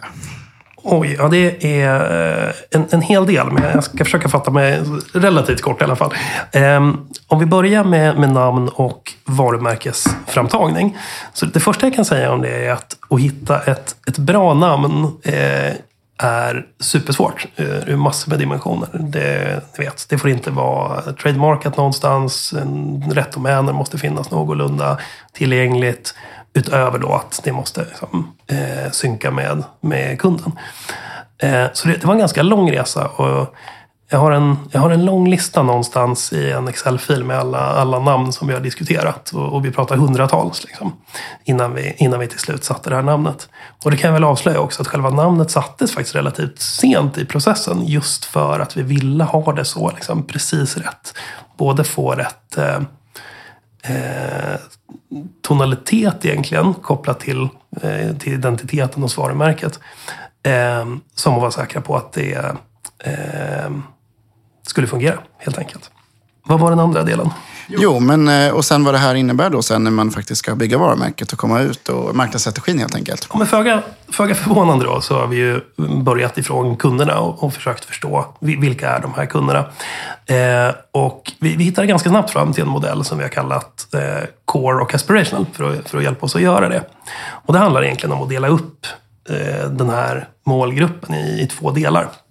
Eh, där Core är, det är de här personerna som verkligen brinner för mode, eh, mode och kläder. Vi brukar säga att de har koll på vad, eh, vad chefsdesignen heter på varje varumärke och varför han eller hon är sämre än den förra. Eh, de, de försöker liksom leva värderingarna som signaleras av de här varumärkena. De, de hänger på alla modebloggare. De, eh, de har helt enkelt benkoll och håller mode som någonting väldigt viktigt. Aspirational däremot, det är målgruppen som, som finns runt de här. Som någonstans ser upp till Core, som vill, som vill vara lite bättre på de här sakerna. Som klär sig helt okej, okay, jätte, jätteschysst. Men som känner att de, de vill göra det ännu mer. Som skulle, skulle vilja vara li, lite snyggare, lite mer välklädda. Helt enkelt. Och det vi insåg då, det var att de här två grupperna måste vi prata med på ganska olika sätt.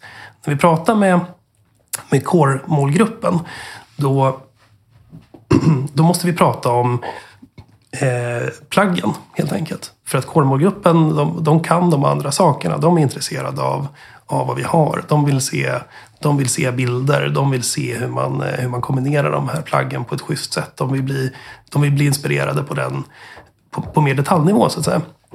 Aspirationsgruppen däremot, de, de behöver inom bemärkelse mer, mer hjälp nu i, i höst till exempel. Är det, är det här året som du väljer bort eh, ullrocken för, för någonting lite coolare?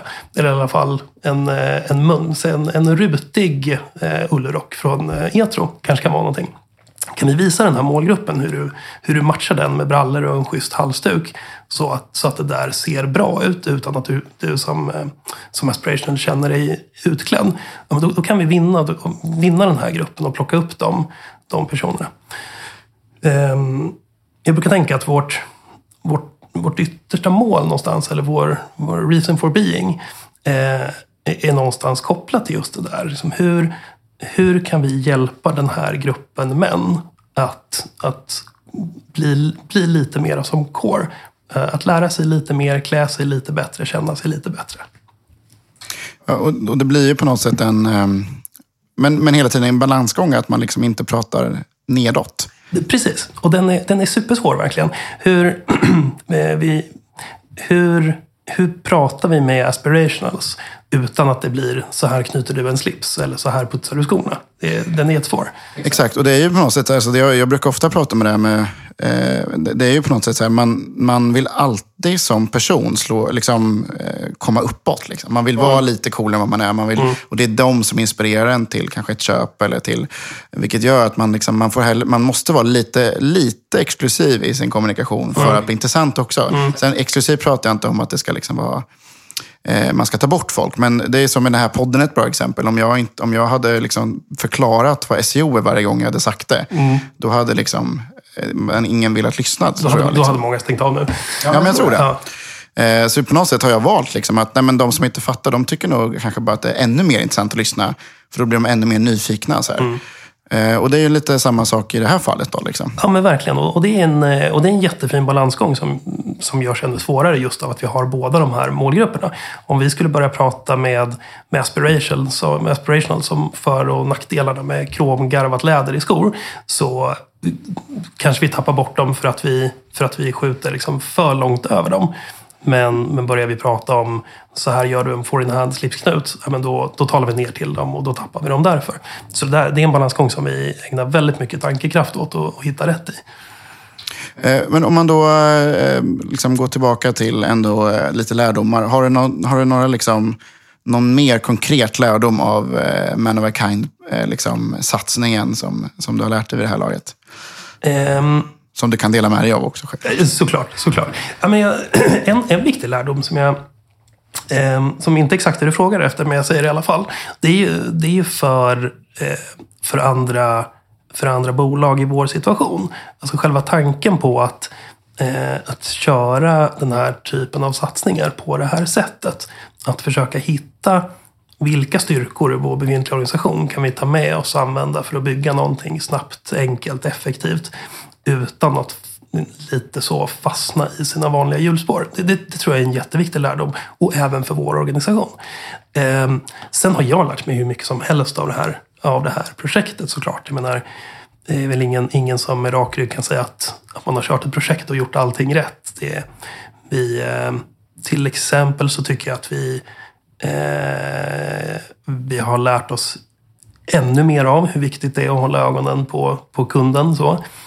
Jag vet inte om, om, du känner igen det, men mitt, mitt i ett projekt när, när alla de här operativa frågorna hopar sig och man måste göra, ta beslut varje dag. Då, jag tycker det är då det är som lättast att tappa bort kundupplevelsen och kunden i ekvationen.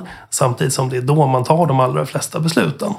Så, mm. så jag tror, för mig har det varit en sån lärdom. Håll ögonen på kunden, speciellt när du är stressad. Till exempel. Absolut. Det är då du ska börja klara ännu bättre än vad du brukar göra. Bara för att leva i det här. Bara för att påminna sig. Ja, ja. precis. Eh, nej men, eh, jättebra.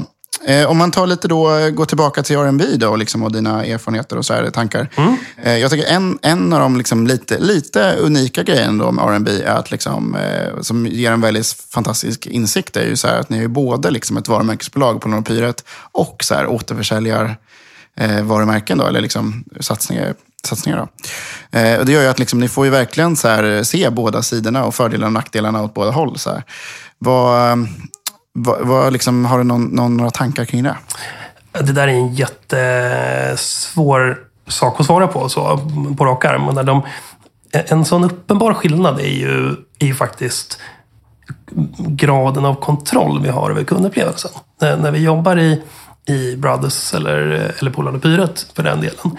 Då, då har ju vi någonstans full kontroll från plaggets produktion och så hela vägen ut till vilket golv har vi i en specifik butik. Vi kan verkligen kontrollera alla de parametrarna.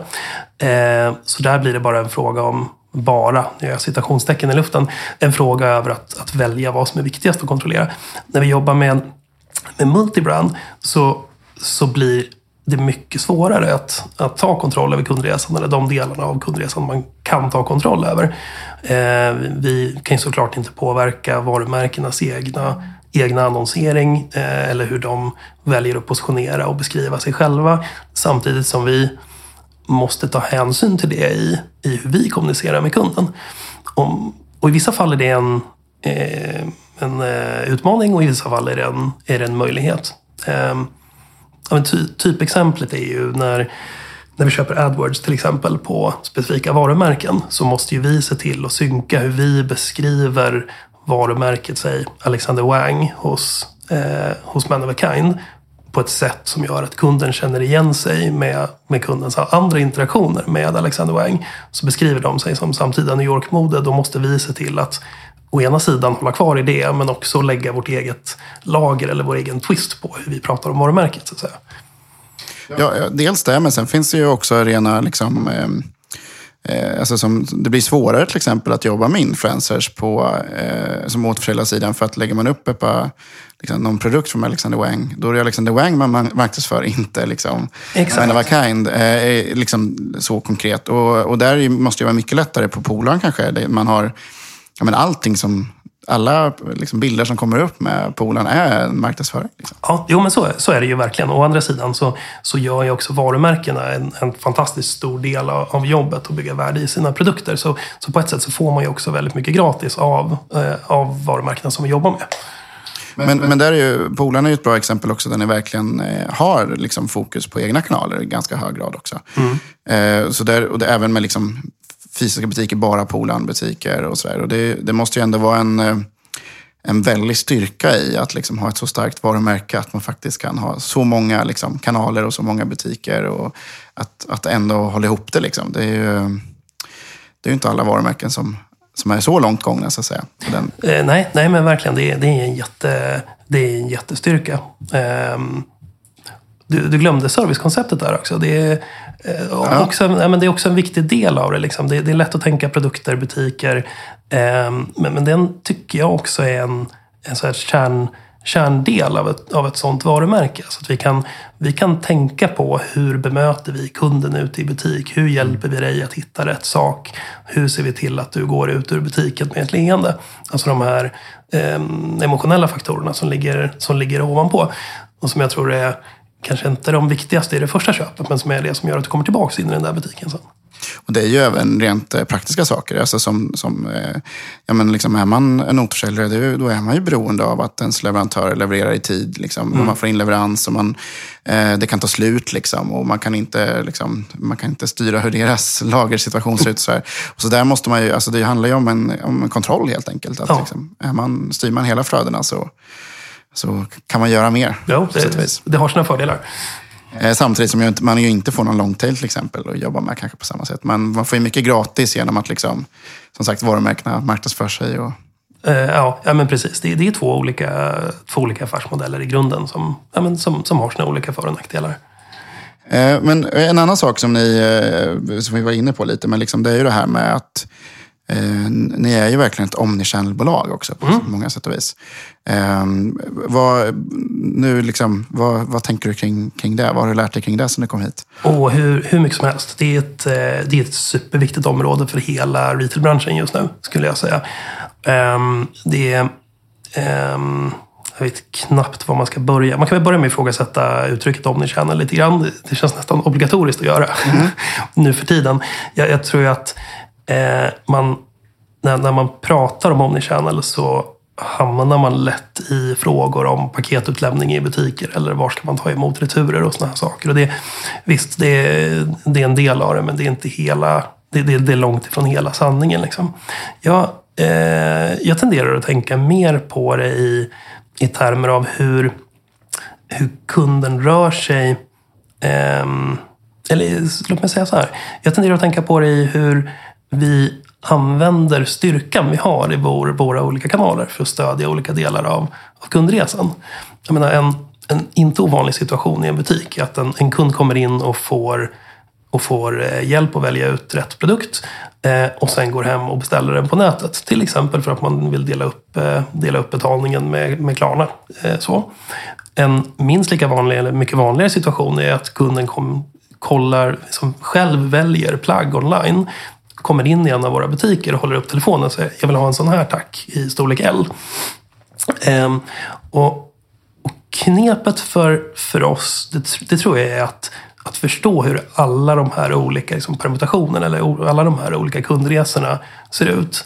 Ehm, och sen välja, välja vilken ordning vi vill se till att stödja dem fullt ut. Och just, just det här beteendet som jag nämnde nu, att kunderna kommer in Eh, att kunderna gör en stor del av, av säljjobbet så att säga, själva innan de kommer in i butiken. Det, det är ju någonting som alla i branschen ser väldigt mycket av just nu. Jag var på någon grej här på Eh, på lunchen där någon påstod, jag vet inte exakt var siffrorna kommer ifrån, men att 60 procent av dem som eh, kommer in och köper någonting i en butik har gjort research om, eh, om varan innan. Och att i, i alla fall vissa delar av USA så har det här lett till att eh, det vi kallar footfall, det är egentligen antalet fötter in i butiken, eh, har minskat med ungefär 50 procent under de sista, jag tror att två eller tre åren. Samtidigt som konverteringsgraden i den fysiska butiken har dubblerats under samma, samma period. Eh, och där, där den bärande tanken då är att folk är mycket mer informerade när de, när de kommer in i butiken. De har, ett, de har liksom byggt upp ett nytt beteende där man först väljer vad man ska ha, sen går man till butiken. Ehm, och och då, då, har, då tappar ju vi eh, som driver butikerna möjligheten, eller delar av möjligheten att påverka kunden i, i butiken. Då måste vi istället eh, liksom, göra den här påverkan, hjälpa kunden att välja online. Ehm, trots att vi, vi är någonstans riggade för att göra det i första hand i butik. Och det här tror jag är en omställning som, som hela branschen kommer att vara tvungna att ta tag i de närmaste åren. Och det där tror jag väldigt många online-upplevelsen kommer handla mycket om att liksom ja, men vara en slags tjänst för att hitta rätt i liksom, eh, bland produkter och val och så här. Um, och det här skapar ju många nya möjligheter också. Det gör ju att man kan personalisera mycket mer. Liksom. Mm. Man kanske kan få barnens namn liksom, eller vad som helst. Alltså, det går ju att göra mycket mer också om man har det beteendet. Mm. Uh, vilket gör att uh, liksom, uh, så det skapar ju väldigt mycket möjligheter. Det skapar väldigt mycket möjligheter och det skapar möjligheter att um, det skapar också möjligheter att tänka om vissa processer, slår det mig. Alltså, vi, vi, vi har ett väldigt eh, utarbetat tänk i någon, någon bemärkelse. Och nu tänker jag på hela branschen. Eh, hur man jobbar i butik, hur man merförsäljer i butik, hur man väljer, hjälper kunden att välja vara i butik. Men, men alla de här sakerna är oftast baserat på väldigt lite hård data om kunden egentligen. När vi får in en kund på våra webbsajter så har vi koll på vilka produkter har den här kunden kollat på tidigare, vid vilka tillfällen. En kund som har kollat på en, säg en skaloverall på, på eh, Polonopyret två gånger. Det säger ju någonting om vad den här kunden har för behov och, och intresse så att säga. Eh, en, en, person i en butik har ju inte den informationen och kan inte jobba med det. Så på ett sätt så är det här en, en väldigt stor möjlighet att göra en, en, bättre behovsanalys och därmed plocka fram en, en bättre produkt till kunden. Mm. Så. Och, och, parallellt med det också, som, som ju redan görs, men som säkert går att göra ännu bättre, liksom, det är ju att mer korrelera med liksom, okay, hur går det i fysiska butiken och hur ska vi... Liksom, ja, men, man kan ju faktiskt med hjälp av liksom, utskick och sånt i e-post, liksom, ja, men nu, om du kommer till butiken så får du liksom, 10% ta med dig den här. Eh, och då skapar mm. man ju ett beteende att om det är för lite folk på golvet, eller så här, att faktiskt eh, få in fler där i också, så att säga. Ja. Det, det, är ju liksom klassiska, det är ju ICA jätteduktiga på. Liksom. Till exempel, ja. Men alltså, det går ju verkligen att koppla ihop de här kanalerna säkert ännu mer på olika sätt. Och även liksom, eh, ja, men förändra beteenden hos kunderna till det hållet man vill. Eller där man själv har liksom, får bäst möjligheter att sälja grejer till dem. Mm, just det. Sen kan man fundera på eh, vilken väg man vill gå där. Liksom. Vill vi driva kundernas beteende eller vill vi stödja det beteende som är naturligt för kunderna? För att den här kundgruppen är inte nödvändigtvis så homogen att den, att den går att styra in i en, i en folla. Så jag, jag tänker oftare faktiskt på det i termer av eh, vilka olika beteenden är det vi, eh, vi har och som vi behöver stödja och göra det bästa av. Så att säga. Jo, absolut. Men det finns ju liksom ett väldigt tydligt case i att liksom fysiska butiker inte är öppna på, kväll, på nätter. Liksom, ja, men, ja, nätter. Så då handlar det ju verkligen om att då, liksom, trots att de går förbi, ändå liksom, direkt liksom, på något sätt går online faktiskt när de kommer hem sen. Så det finns ju olika, det finns ju åt båda håll så att säga hur man ska göra. Eller den här klassiska att är det slut i butik så ska man ju inte tappa liksom, köpet. Liksom. Eller hur? Och det, och det är där någonstans det blir komplext. För att det är så många kanaler, så många touchpoints, så många beteenden. Eh, och multiplicerar man dem där med varandra eh, så har du en eh, väldigt många scenarier som man, som man behöver både stödja och på sikt optimera. Det är väl det som gör det kul också. Eller hur? Ja, Eh, vi börjar gå mot, mot slut här. Vi har pratat jättelänge, eh, men det är bra. det är det verkligen. Eh, jag tänkte bara, har du något eh, avslutande tips till alla som jobbar med e-handel? Så här, Kanske lite ur liksom ett relativt eh, stort bolagsperspektiv. Så här, vad, eh, vad, till andra som faktiskt sitter i din sits, liksom, eller i, eh, i den typen av organisation. Vad, vad ska, har du något tips idag? Förutom att ha kunden i fokus, för det har du sagt för många gånger. Ja, det jag kanske har sagt det lite väl många gånger. Eh, men jag tycker att det är så viktigt. Jag, ja, men jag tänker så här, och, och det här blir väldigt mycket utifrån min typ av, av perspektiv. Liksom jobba med de här frågorna i ett större bolag. Um, jag tror att det är väldigt lätt när man sitter i ett stort bolag och, och tänka lite för mycket på sina alternativkostnader. Och med det menar jag att och, och, um, och, starta en, en separat digital satsning alla, alla Men of a Kind eh, är ju någonstans en, Eh, ett, ett försök. Utfallsrummet är väldigt stort, som vi brukar, brukar prata om. Och, och det, är, det är ganska lätt i ett större bolag att hitta i någon bemärkelse bättre avkastning på kort sikt på de pengarna. Ska vi stoppa in en miljon i en sån sak, vi vet inte riktigt vad vi får ut. Kontra vi stoppar in en miljon i att optimera den här processen, vi är rätt säkra på att vi får tillbaka två nästa år.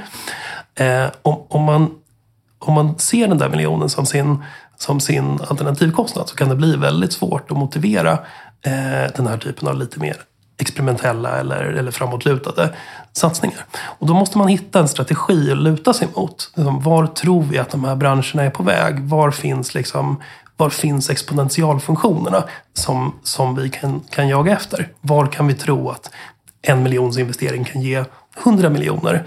Eh, och, och se till att faktiskt, att faktiskt göra det. Och, och det där låter väldigt, eh, väldigt enkelt, men det, men det kan vara en, en rätt så stor en, så, en rätt så stor utmaning att, att få till. Ja, och det är ju, det är ju egentligen, alltså, tänk som en entreprenör lite. Tänk, tänk, som, tänk som en entreprenör och, och kom ihåg att världen, världen förändras. Den mest slitna klyschan som finns 2016, men världen förändras så jäkla snabbt just nu. Ehm, och och liksom, kliver man inte på några av de här exponentialfunktionerna framåt så riskerar man att stå med en affärsmodell som försvinner. Det är ju en väldigt bra avslutande eh, Ja, men visst var det bra? Ja, det var jättebra här, tycker jag. Ja. Eh, och eh, eh, jättekul att du ville vara med. Ja, det var fantastiskt roligt att vara med. Ja, och återigen, man ska ju handla på manofakind.se. Gå in på manofakind.se nu med en gång. Ja, perfekt. Tack så mycket. Tack för att ni har lyssnat på e-handelspodden och eh, glöm nu inte att höra av er om ni har några frågor eller tankar eller vill höra av er till mig på något sätt. Och jag finns på anton.antonjohansson.com. Eh, på Twitter heter jag agaton. Eh, och så finns jag såklart som ett e-handelspodden på många ställen också. Instagram, Twitter, Facebook och så vidare. Ehm, och jag skulle också vilja tacka vår huvudsponsor som är Bäst Transport. Bäst med E alltså. Ehm, som har jättebra hemleveranstjänster. eh, Som har funnits i många, många år och är verkligen en superbra aktör och, eh, för att anlita för, för leveranser helt enkelt. Transportlösningar. Ehm, och ett förslag är helt enkelt att lägga in eh, bäst eh, hemleverans som ett alternativ i kassan så att kunderna kan få välja om de tycker om just bäst och är vana vid det. Ehm, och och eh, passa också på att testa och boka ett bud via besttransport.se så får ni se hur, hur bra de är. Jag, jag har själv testat och tycker det är väldigt smidigt. Eh, Det går till och med att betala med kort direkt så att det finns ingenting att vänta på utan testa på besttransport.se och även såklart börja kolla in deras API och andra lösningar för, för att eh, erbjuda det till alla era kunder. Tack för att ni har lyssnat på Jens-podden och på återseende.